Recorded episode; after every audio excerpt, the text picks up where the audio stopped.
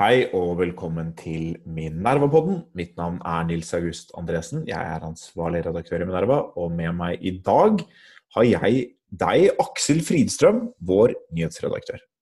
Nå tenker jeg folk blir overrasket. I hvert fall de, de regelmessige lytterne. Eh, du, Aksel. Vi eh, er tilbake med dårlig lyd. Vi sitter ja. på, på hjemmekontor. Det er ikke bare vår skyld, det må vel regjering og byråd dele æren for. Men vi vil på forhånd beklage til alle våre lyttere som har donert penger for at vi skal kunne ha ordentlig lydutstyr. Det har vi altså, men det er eh, ikke i bruk akkurat i dag. Vi får se om vi kanskje tar det til bruk, eh, i bruk litt senere neste uke eller noe sånt. Men eh, akkurat nå så er vi på hjemmekontor og snakker med dårlige mikrofoner. Vi prioriterer, vi prioriterer, smittevern over lytterne, rett og slett. Ja, det gjør vi. Men vi tenker at lytterne også er opptatt av, av smittevern. Dette blir en litt spesiell podkast, eh, Aksel, for dette er siste podkast i den ganske spesielle perioden 2016 til 2020, der en mann som heter Donald Trump er president i USA. Det vil si det er ikke helt sant, for han kommer til å fortsette med å være det en stund til. Men det kan, kan jo bli gjenvalgt også. også det, må du, det, det, må du, huske på. Ja, det, og, men ja. da er vi inne i en ny fase, nemlig Donald Trumps uh, andre presidentperiode, som kan bli en enda mer kaotisk tid enn hans første. Og i den anledning, Aksel, så har vi rett og slett en liten uh, valgspesial her i, i Minerva, hvor vi skal snakke om meningsmålingene, som du har sett litt på. Ja. Eh, i litt mer detalj selvfølgelig enn andre. Vi skal ikke bare si dette i meningsmålingene. Vi skal se på sammensetningen av elektoratet i meningsmålingene og si litt om hva det har å si for deg som eh, hører på. Og vi skal også komme med våre egne spådommer. Men eh, før, vi, før, vi, går dit, så skal vi snakke om noe helt annet. Hva er det for noe, Aksel? Vi skal snakke om eh, Frankrike, eh, terror, islam og Erdogan. Det er en, en veldig spennende cocktail. Og karikaturer, ikke minst. Og, og, Vesten, det er helt riktig. fordi det er jeg som har skrevet en artikkel om dette. Eh, hvor jeg spør hvor blir det av Vesten? Og ja. jeg, jeg kan fremføre resonnementet først, og så kan du utføre meg litt på det. Fordi jeg tar en litt, grann, en litt forsiktig, haukete tilnærming. Og det, jeg pleier jo ikke å gjøre det. altså Med en gang jeg har gjort det, så tenker jeg sånn Oi, nå har jeg sikkert eh, nå har jeg gått for langt frampå. Så du får utfordre meg enten fra Det er fordi du er bleeding heart liberal. Ja, selvfølgelig. selvfølgelig er det derfor. Så Derfor legger jeg nå frem argumentet, og så får du utfordre meg fra den siden som du mener er, er mest fornuftig. Altså Mitt utgangspunkt her er at eh, etter eh, terrorangrepet i Frankrike sist, ikke det som var nå denne uken, men, men eh, det som var i, i, utenfor Paris, hvor en lærer ble i Paris, hvor en lærer ble halshugget, så støttet jo Eh, president Emmanuel Macron eh, retten til å trykke karikaturer. Hva skulle han ellers gjort? Det var helt naturlig å, gjøre det i en respons på en, på en grusom terrorhandling. Eh, og hva skulle en europeer egentlig gjort hvis man ikke forsvarte den retten? Og etter at han gjorde det, så i stedet for å utbringe sine kondolanser og uttrykke medfølelse med det franske folk og sånn, sånn som, man, sånn som statsledere stort sett gjør etter terrorangrep, uansett om de mener det eller ikke, eh, så gikk eh, da Erdogan til angrep på Frankrike og mente at eh, Macron måtte få sjekket sin, helse, sin mentale helse, som kunne si noe så absurd. Og han oppfordret til boikott av franske varer. Det er nå også implementert i, i noen land i, i Gulfen. så det har jo på en måte noe ikke veldig betydelig, men det har noen økonomiske konsekvenser for Frankrike. Og er jo en eskalering av situasjonen, en oppbildning til ytre hat mot Frankrike i en allerede ganske anspent og dramatisk situasjon. Eh, og det er litt interessant, syns jeg, at det på en måte går an. At, at Tyrkia, som er jo er Nato-alliert, eh, kan ta til orde for eh, boikott av Frankrike i en sånn situasjon, uten at det kommer noen veldig sterke reaksjoner. EU var ute og, sa, og hadde en oppfordring til, til, Tyrkia om ikke å si sånne ting. og det er jo ikke sånn det er ikke, I diplomatisk uh, språkbruk så er ikke det så veldig sterkt. Altså, man har jo diplomatisk... Så kan man ikke si ja, kan du si. ja, altså, det, hender jo, det hender jo at diplomatisk språkbruk er liksom høfligere enn en vanlig språkbruk, men, men liksom, oppfordring om å ikke si noe er ikke sånn superkraftig virkemiddel. Og, og jeg syns det er interessant, fordi man kunne jo tenkt seg her at, uh, at, Vesten hadde en policy for å hindre at den type ting skjer. Dette har jo skjedd før, at, at muslimske, ulike muslimske land, enten Tyrkia eller i Gulfen, Eh, eller Pakistan, eh, måtte tar til orde for en eller annen form for reaksjoner mot vestlige land, formelt eller uformelt. Oppildnet stemning, noen ganger handelsboikott. Vi husker alle at ambassaden i Syria ble brent ned osv. Det gjaldt den norske ambassaden også i 2006. Så, så denne type hendelser på en måte skjer uten at det har spesielle konsekvenser. Og, og, det er jo interessant uh, når Europa samlet sett, og Vesten enda mer samlet sett, uh, er um, økonomisk og politisk så mye sterkere enn disse landene. Uh, altså Tyrkia oppførte en handelsboikott. Hvis Europa hadde svart med å si OK, du tar dere på ordet, det er handelsboikott, dere får ikke eksportere til Europa, så hadde det vært dramatisk for Tyrkia. Uh, og For å bare illustrere liksom, forholdet mellom landene. Eh, eksporten fra Tyrkia til EU er 43 eh, av samlet tyrkisk eksport, 15 av tyrkisk BNP. Eh, legger du på, på USA og Canada, som også er Nato-medlemmer, så er det oppe i to tredjedeler av og, og, og, Storbritannia, så er det oppe i to tredjedeler av, av tyrkisk eksport. Det er eh, helt umulig for Tyrkia å risikere at noe skjer med den eksporten uten å oppleve betydelige problemer på hjemmebane. Mens for EU så er jo eksporten til Tyrkia helt neglisjerbar og utgjør eh, under en halv prosent av BNP. 2-3 prosent av, eh, av samlet eksport. Så, så, selv om Tyrkia er en, en, stor regional spiller og et, stort land, en, en, relativt stor regional økonomi og en betydelig spiller på mange andre måter i, i regionen, så er den en politisk, økonomisk og militær dverg sammenlignet med Vesten. Og Mitt argument er at hvis Europa eh, og USA hadde stått samlet og hatt en samlet geopolitisk analyse og et sett med virkemidler for å påvirke geopolitiske forhold, eh, så ville man kunne hatt den type ris bak speilet som gjorde at det ikke trengte å brukes. For det er ikke noe, er ikke noe ønskelig situasjon selvfølgelig å drive og ha en handelskrig med, med Tyrkia midt oppi alt det andre kaotiske som skjer i verden i dag. Eh, men hvis Tyrkia hadde trodd at noe sånt kunne skje, så ville de tenkt som før de uttalte seg sånn. For Mitt utgangspunkt er at eh, Erdogan er jo ikke mentalt, eh, han trenger ikke å sjekke sin mentale helse. Han er en rasjonell spiller som ser at han kan få gevinst på hjemmebane.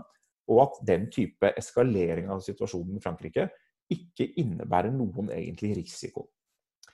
Ja, ja, hvor, hvor, hvor, rasjonell han egentlig er, det, det, kan vi, det, det, kan vi, det, kan vi, strides litt om. Det kan man strides om. Men dette argumentet, Aksel. Skyt, er det et godt argument eller et dårlig argument? Nei, altså jeg har vel kanskje lenge tenkt sånn at Tyrkia er mer en Nato-alliert i navnet enn, enn i gavnet. Altså de er jo inne i denne alliansen av liksom helt eh, historiske årsaker, hvor det var et helt annet behov for å demme opp for Sovjetunionen og, og, den type ting. Og jeg tror at hvis de eh, skal ønske å være med i den alliansen fremover, så må de jo også uh, føre en politikk som bidrar til å fremme den, denne alliansens interesser som, som, helhet. Og det er i hvert fall ikke tiltagende konflikt liksom, mellom eh, muslimer og europeere og, og den type konflikter som Erdogan her egler opp til. Det er i hvert fall ikke en, en invitasjon til å være med på, på, laget, da, kan du si. Men det som er vel kanskje litt av grunnen til at man er så redde for å ta igjen med samme mynt, da kan du si at vi tar igjen Du oppfordrer til handelsboikott, vi oppfordrer til handelsboikott. For det første så er jo det som du er inne på, det virkemidlet er jo veldig veldig mye sterkere hvis det europeiske landene gjør det mot Tyrkia, enn hvis Tyrkia gjør det mot de europeiske landene.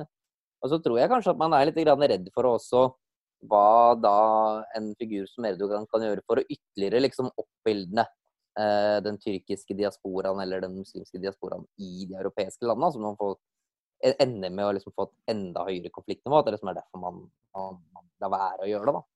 det er det sikkert, og, og, og, det er jo derfor jeg ikke er, aldri er sikker på denne type virkemidler. Men det som plager meg litt, er at eh, hvis man hadde hatt virkemidlene og hadde hatt en, en bevisst tanke om hvordan man projiserer makt, hvordan Europa projiserer makt i vår tid, eh, så kunne man jo på en måte tatt den vurderingen og sagt vi tror ikke det er så klokt å gjøre det akkurat i denne situasjonen.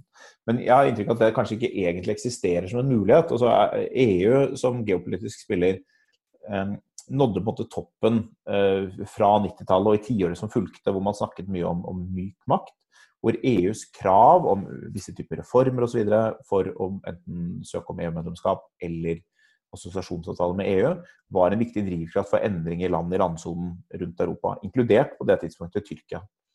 Eh, men den myke makten har på en måte fått svekket relevans eh, i dag. Og så ser det ikke ut som EU har utviklet andre maktmidler, eller utviklet nok av en samlet en felles forståelse av si, trusler og, og, og, responser, til at man vurderer å bruke ulike former for, for, diplomatisk og politisk makt. Og, og, da er det ikke så godt å vite, fordi du sier at man frykter den type responser. Og igjen så er det jo på en måte sånn at uh, det, det, burde i en viss forstand være begrenset uh, hvor aggressive virkemidler Tyrkia skulle være villig til å bruke mot Europa, fordi man risikerer for mye. Men fordi, uh, fordi det hele tiden er uklart om Europa er villig til å respondere, så, uh, så kan Erdogan gjøre det. Og han har jo oppildnet den tyrkiske diasporaen i, i Nederland og i Tyskland også ved tidligere anledninger. Egentlig uten å møte noe ordentlig liksom, kontant svar. Og det er klart at det, det store maktmiddelet som, som, Tyrkia har mot Europa, i forstand, det, er, det er jo kontroll på migrasjonsrutene. Hvor, eh, hvor, det også er betinget av at Europa har setter sterke begrensninger på sine egne responser. Vi kunne jo skippet disse menneskene tilbake til Tyrkia hvis de kommer derfra, eh, og møtt det på en mye hardere måte, men vi velger ikke å gjøre det. Vi velger i stedet å betale Tyrkia for å oppføre seg ordentlig. Og, jeg, mener ikke å avvise at det kan være en klok måte å gå frem på, og at den avtalen har på mange måter hatt en, en, en effekt, den, den ønskede effekten i, i stort. Eh, men fraværet av eh, en koordinert strategi, en vilje til å bruke hardere maktmidler og en, eh, en oppfatning der ute også at Europa kan bruke økonomiske muskler og andre diplomatiske muskler. F.eks. som du nevnte, å, å, kaste landet ut av Nato som ett eksempel. Eh, fraværet at det er på bordet, påvirker eh, det tyrkiske spillerommet. Eh, og det bidrar også til da, en, en, eskalering og en, en, destabilisering av situasjonen i, i noen tilfeller. Ja, altså jeg tror nok i hvert fall det at hvis man analyserer Erdogan litt over tid, da, så vil du se at det er jo øh, ofte en, det er en form for tiltagende aggresjon. Altså, han benytter stadig øh, mer dramatiske virkemidler og den type ting. Og hvis man altså hvis, hvis, man ikke finner en eller annen måte å ta igjen på, så vil jo det bare, tror jeg, da bare tilta over tid.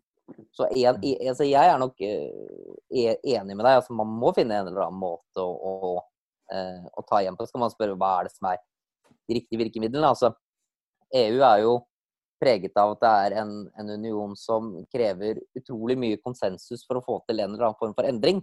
Mm. Og følgelig så skjer jo svært sjelden eh, en respons veldig kontant. Det tar utrolig lang tid å, å, å, få til en beslutning. Noe som jo kan si det er jo ikke noe problem at EU bruker ti år på å finne en ny standard for lyspærer, liksom, og har blitt eh, ferdig diskutert.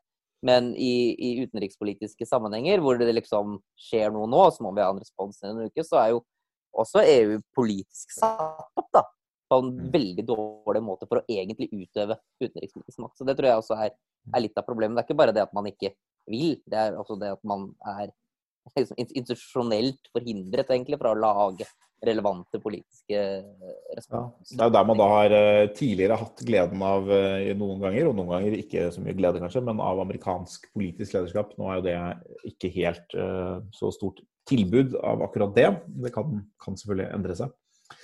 Vi får se, vi får gå videre, Aksel, men vi får se om det fører til at EU organiserer seg i en, en mer koherent utenrikspolitikk, eller om kontinentet kollapser i fraksjon og strid, og, eh, eller hva som skjer. Det, det vet vi ikke ennå. Men vi skal gå over til å snakke om USA, og vi begynner i den aller viktigste staten. Hvilken delstat er det, Aksel? Det er mange, men jeg syns kanskje det mest spennende er eh, Pennsylvania. Da. Det er det jeg liksom eh, Det er liksom forsøker å bli som Pennsylvania-ekspert. Jeg har gitt opp å bli Amerika-ekspert, så jeg fokuserer meg nå. Pga. den sterke konkurransen så forsøker jeg å ta min egen nisje, som er å bare kunne et lite geografisk område inne i USA. Ja, det, er ikke, det, er jo, det er ikke noe mangel på Amerika-eksperter. Eh, det finnes jo noen Pennsylvania-eksperter. òg. Jeg ville kanskje råde deg til å bli ekspert bare på en del av Pennsylvania.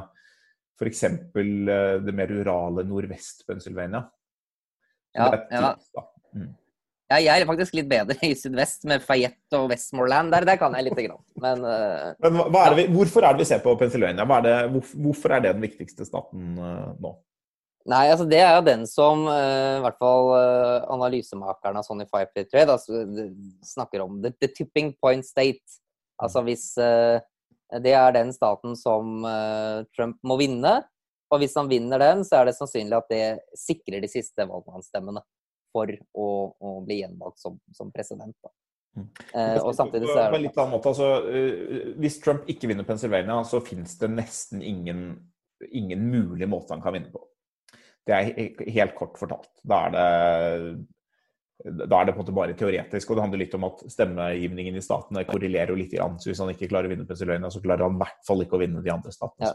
Det samme gjelder også for Florida, men det er mer sannsynlig at han vinner Florida enn han vinner Pennsylvania, hvis du tror på meningsmålingene.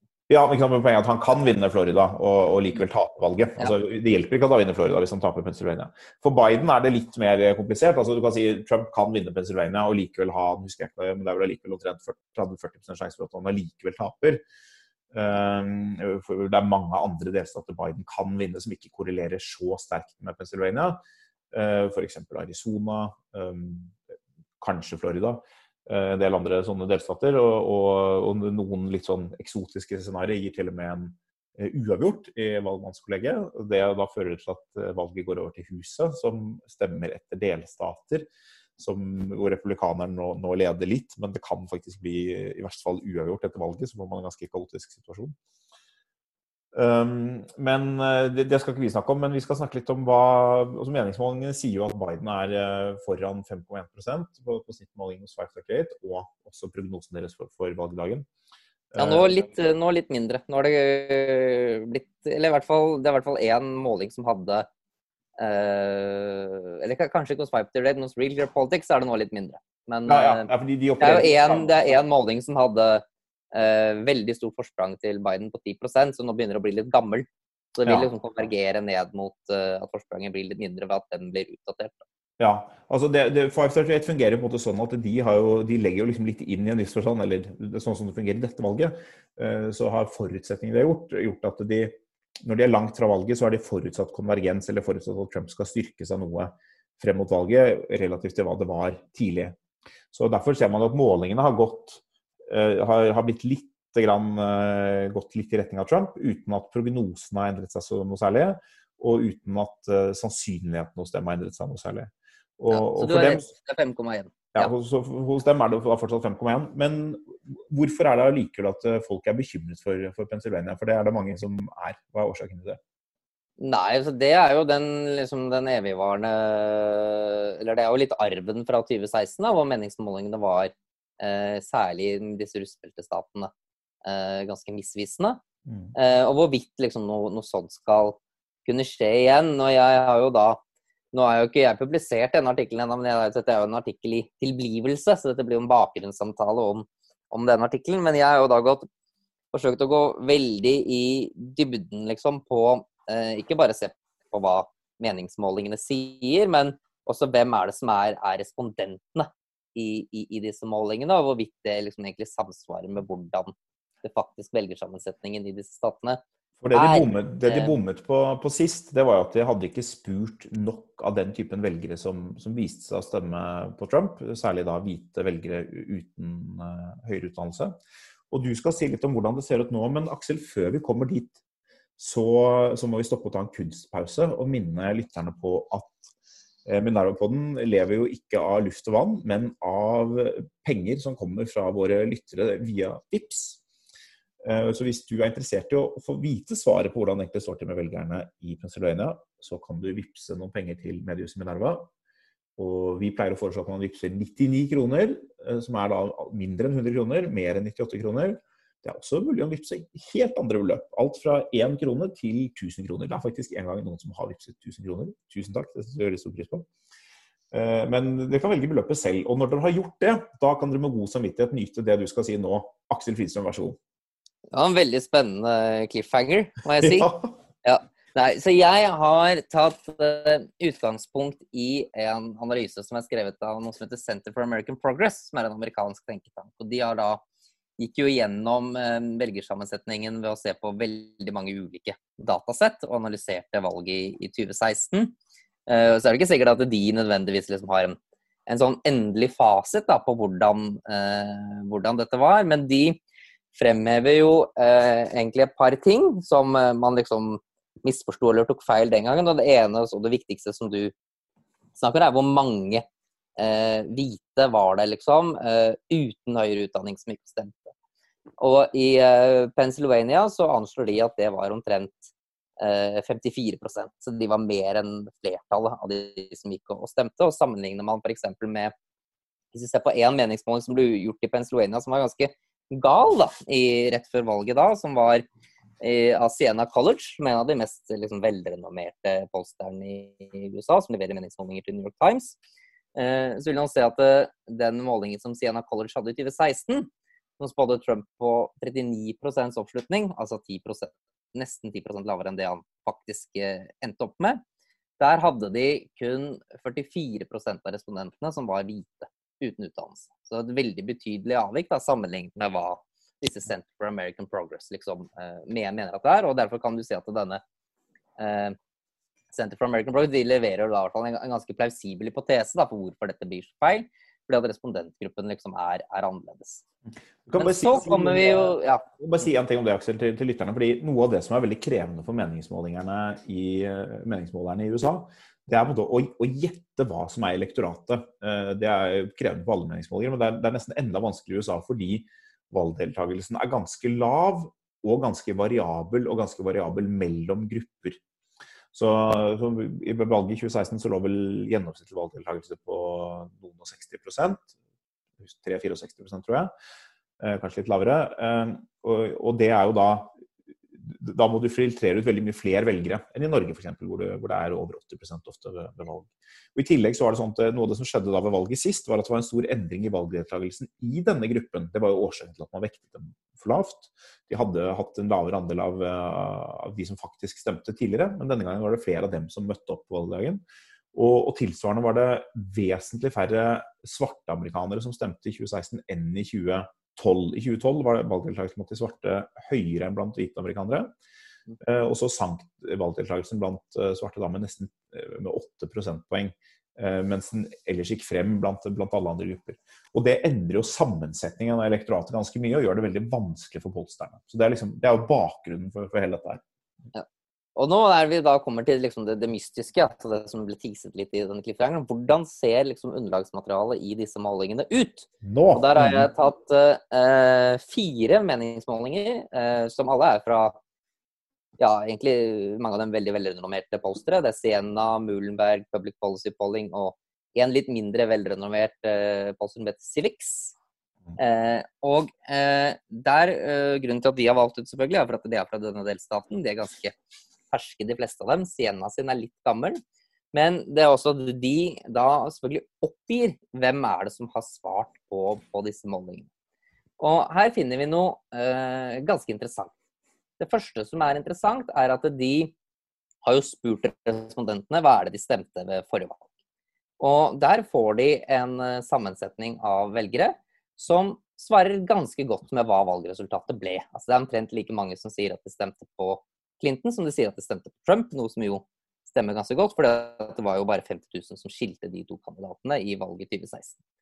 Men når vi går ned på underlagstallene, altså hvordan er det disse gruppene ser ut, så eh, er det slik at de har fått inn en del flere som er hvite uten høyere utdanning. Men ikke så veldig, veldig mange flere. Eh, så eh, Siena College de har i sin måling for 2020 46% av respondentene som er denne gruppen. Og det var 44% av dem som var i den målingen som var feil i 2016. Civics de har litt høyere, de har 51,4 Uh, Muhlenberg har 46,8 og eh, Public Policy Polling de har 44,4% Så der er det et avvik på mellom eh, 10% og 3% sammenlignet med hva disse her i eh, Center for American Progress anslo at velgersammensetningen var da, i 2016. Mm. mm. Og eh, det er jo eh, Nå er jo ikke denne artikkelen ferdig skrevet, så jeg må jo tenke litt mer ut på hva jeg liksom mener at det, eh, dette betyr. Men det er jo litt uh, mystisk. Fordi man kan jo uh, Enten så kan jo dette bety at det, disse Center for American Progress, som jeg liksom bruker som benchmark for å analysere, da, at de tar feil. At velgersammensetningen var slett ikke sånn egentlig i, i, i, i 2016. Den er mer sånn som disse posterne viser. Eventuelt så kan det jo være at eh, disse posterne bare finner liksom en, kanskje en, en, en, bestemt type gruppe velgere. Da. Så de finner noen sånn veldig mange atypiske Trump-velgere, men de finner ikke så mange av de liksom, typiske Trump-velgerne. Altså, Eh, Jeg vet ikke hva liksom, du tenker om, om, om dette datasettet, for du har også fått lov å se på dette. Ja, altså det er jo, det er jo interessant. Det er, det er interessant nok til at uh, det, liksom, det kan være en potensiell feilkilde, men det, men det ligger jo litt her. Altså, man kan tenke seg noen ulike forklaringer på dels hvorfor det er de har dette utvalget. Det, det kan jo både reflektere deres syn på hva som er en sannsynlig sammensetning av elektoratet denne gangen, gitt Mhm. da f.eks. en høyere valgdeltakelse blant svarte, kanskje en lavere valgdeltakelse blant hvite uten uh, utdannelse, kanskje en høyere valgdeltakelse blant hvite med utdannelse. Det er en del sånne det kan jo ligge under at de har et syn på det, som jo Mm. formes delvis av spørsmål til velgerne om hvor sannsynlig det er at de kommer til å stemme. For eksempel. Mm, mm. Eh, så kan man også tenke seg at, uh, at de, det at de vekter på valget i, i 2016, kan jo da føre til at de får en del At de oversampler på en måte andre typer oversampler republikanere. Eh, Og undersampler hvite uten høyere utdannelse. Og så er spørsmålet hva blir konsekvensen av det? Hva, slags skjevhet gir det da for valget i 2020? Fordi da er spørsmålet hvem er det mest sannsynlig at stemmer republikansk eh, nå? Er det andre republikanske velgere med høyere utdannelse eller som ikke er hvite? Eller er det hvite uten eh, høyere utdannelse? Det er litt for tidlig å si. Vi har på sett en tendens i, i rustbeltestatene til at Biden gjør det bedre blant denne gruppen hvite uten høyere utdannelse enn det Clinton gjorde, mens, Trump gjør det bedre hos en del andre grupper enn man gjorde sist. Så det er en sånn, eh, Der er det også noen spenningspunkter som det er, det er, vanskelig, å, det er veldig vanskelig å vite hva som, er, eh, hva som blir resultatet før man har fasiten.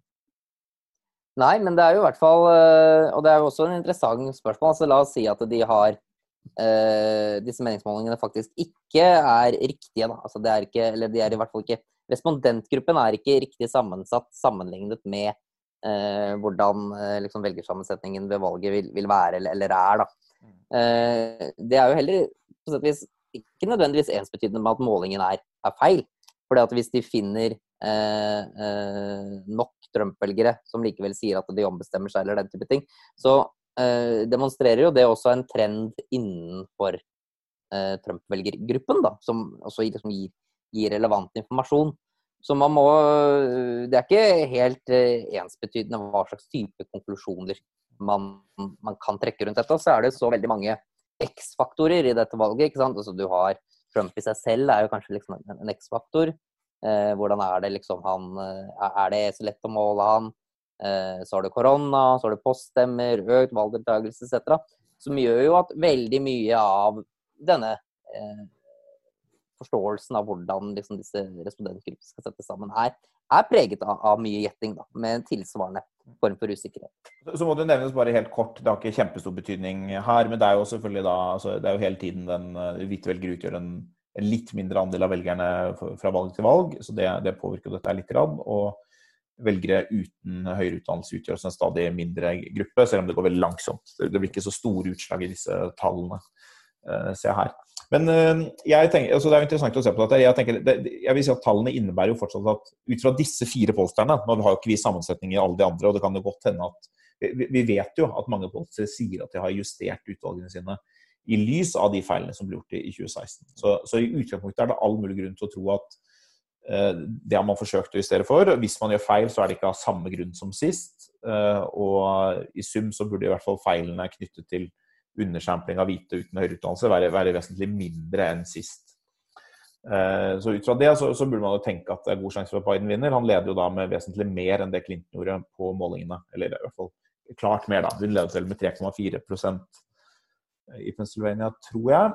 Eh, Og, og Biden leder med 5,1 Så, så selv, selv om målingene bommer like mye som de gjorde i 2016, så vil han vinne Pennsylvania, selv om det da blir veldig jevnt.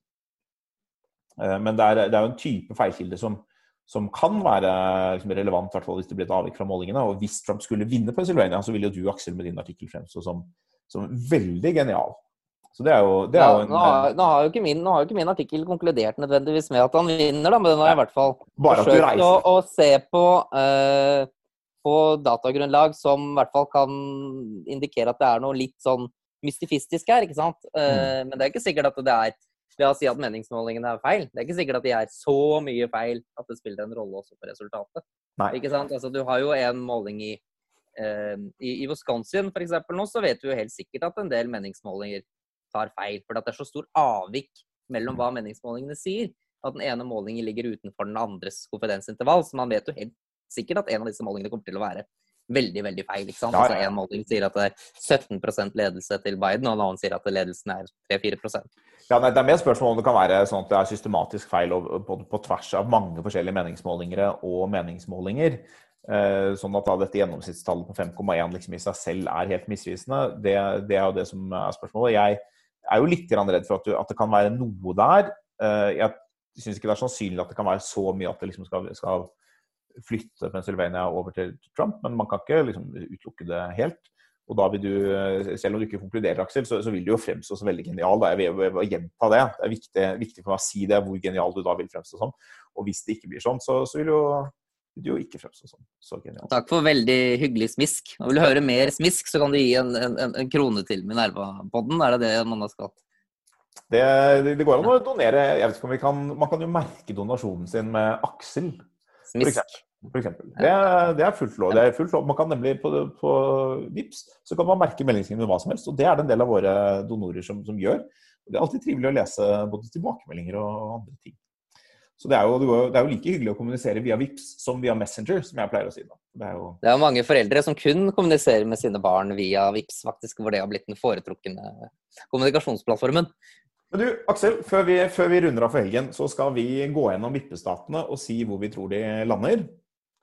Ja, og der har jeg forsøkt å forberede meg. Jeg må bare finne tilbake igjen Ja, til jeg, dette her. jeg har eh, listet opp, jeg vet ikke om vi har satt opp de samme vippestatene, men jeg har satt opp alle statene fra Texas til New Hampshire. Um, Ja. Det er Ok. hvis de, de som er uh, hos 538 listet fra det de har som mest sannsynlig Trump, til, til minst sannsynlig. OK.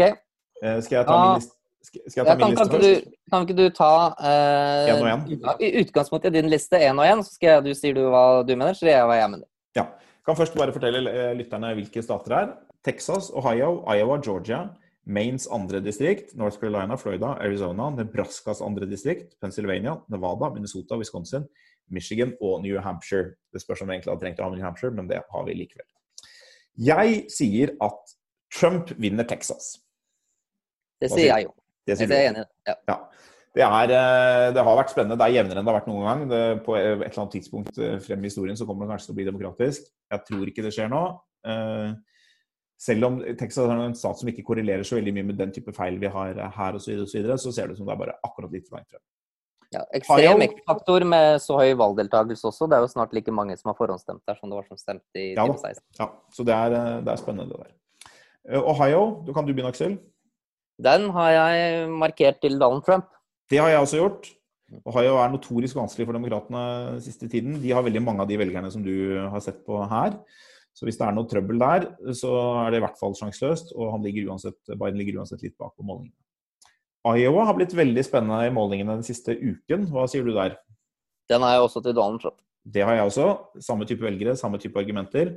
Og så blir det spennende, Aksel. Da har vi Georgia, og jeg sier Joe Biden. Hva sier du? Der har jeg sagt Donald Trump. Det har du. Jeg begrunner dette med at Georgia har et litt annet type elektorat, flere svarte velgere, selv om de muligens stemmer noe mer på Trump enn sist. Og hvite velgere som skiller seg litt fra disse velgerne i, i Pennsylvania.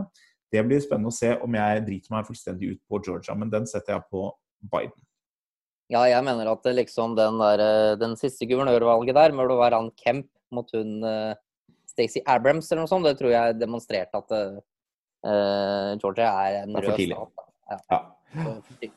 Du bruker, du bruker det guvernørvalget mot meg. Jeg skjønner det. Ja, ja.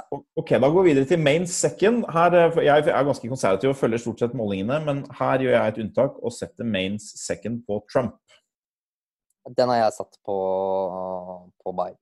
Det har du gjort, rett og slett. ja. Jeg begrunner dette med at main second det er et distrikt med veldig mange av disse type velgerne. Det er få målinger, og det er små utvalg og stor volatilitet. Og den gikk vel eh, bomma målingene, ganske mye på sist i favør Trump. Det burde jo ikke skje igjen. Ingen grunn til å tro at det skal skje igjen. Men her har jeg da valgt å følge magefølelsen på, på main second, rett og slett. Ja. Jeg må si at denne main second det ligger litt utenfor min, min nisje, for jeg hadde eh, forsøkt å spesialisere meg på andre geografiske områder. Men eh, grunn, grunnen til at jeg har gjort det, er at eh, jeg ikke har noen grunn til å tro noe annet enn det som er av målingene. Og så mener jeg å huske at eh, sist runde, når Trump vant eh, Maine second, så var han også ganske nærme å vinne New Hampshire, som jo er jo nabostaten til Maine. Og det er han veldig langt unna å gjøre nå. Og Derfor tror jeg også det vil eh, er en For New Hampshire har litt mer på, så der er det altså, eh, noe mer Så jeg tenker at den effekten har smittet litt over da inn i Maine second. Nå syns jeg du beveger deg langt utenfor Pennsylvania-ekspertrollen din, Aksel, men eh, det, Ja, ja. det er nok et godt argument. Så er det North Carolina. Hva har du der? Der er jeg, Trump. Der har du Trump, men der har jeg Biden. Og der, eh, der føler jeg målingene og, og viser til elektoratet som er, eh, er sammensatt sånn at det kan være mulig med, med høy valgdeltakelse. Ok, Ja. vi, blir ikke, vi blir ikke, ikke enige om North Carolina i dag, Aksel, men hva sier du om Florida? Den har jeg satt til uh, Joseph Biden. Oi, og den har jeg satt til uh, Trump. Vi har uh, mange ulike vurderinger her. Jeg har ikke noen gode argumenter for Florida. Hvis Georgia går til Biden, så burde Florida gå til Biden. Men uh, Trump har en spesiell stilling i Florida. Eh, Florida er, uh, har vært Skjebnen har vært vond mot demokratene i Florida i, i flere, flere runder. Målingene har, er det jo ganske tette. Ja, Og jeg, igjen så velger jeg å følge magefølelsen. Dårlig ja jeg, tror at, jeg tror at det er så mange sånne seniorer der som blir rammet av korona og den type ting, så tenker jeg, har jeg liksom brukt magefølelsen. Ja, du, det er mulig du har en litt bedre eh, magefølelse. Det skal vi ikke se bort fra. Eh, Så har vi Arizona, og der sier jeg Biden. Der har jeg sagt det. Der sier du Trump. Ja. Det er akkurat. For akkurat. der har, eh, Nå er det jo mulig at utvalget av hvem som leverer målinger og sånn er litt skjevt, men der har han i hvert fall hatt et tydelig momentum, i hvert fall på snittet av målingene i det siste. Dette er jo Mac McCains og, og Jeff Flakes uh, stat. McCain er jo død, men ville forhåpentligvis ikke stemt på Trump igjen. Jeff Flake, som var senator fra Arizona inntil ganske nylig, eller til 2018, han har nå gått ut og sagt at han stemmer uh, Biden, altså en, en republikaner. Uh, Så det er på en måte den staten der mainstream-republikanerne har vært vanskeligst, kanskje, nesten, eller en av dem, vanskeligst for, for Trump. Den har trendet demokratisk over lang tid. altså Den har beveget seg stadig nærmere å bli demokratisk, uten å ha blitt det. En gang må det skje. Jeg sier at det skjer nå. Nebraskas andre distrikt, Aksel, hva sier du der? Det har jeg ikke gjort meg på noen bestemt eh, oppfatning om. Nei, si. Men Minervas syn på Nebraska det er at det går til Biden. Ja. Og så er det den aller mest spennende, da. Det er da Pennsylvania. Jeg sier Biden på den også. Eh, Jeg tenker at det kan godt hende at det, at det kan bli tettere enn målingene sier. Men 5,1 er ganske mye, så jeg lar den holde. Hva sier du? Nei, jeg har vært veldig i tvil, men jeg har satt den til, eh, til Biden. Du har det, ja. Ja. Da er valget avgjort, Aksel. For da, hvis han vinner Biden, eh, vinner Pennsylvania, da vinner han Nevada, Minnesota, Wisconsin, Michigan og New Hampshire også.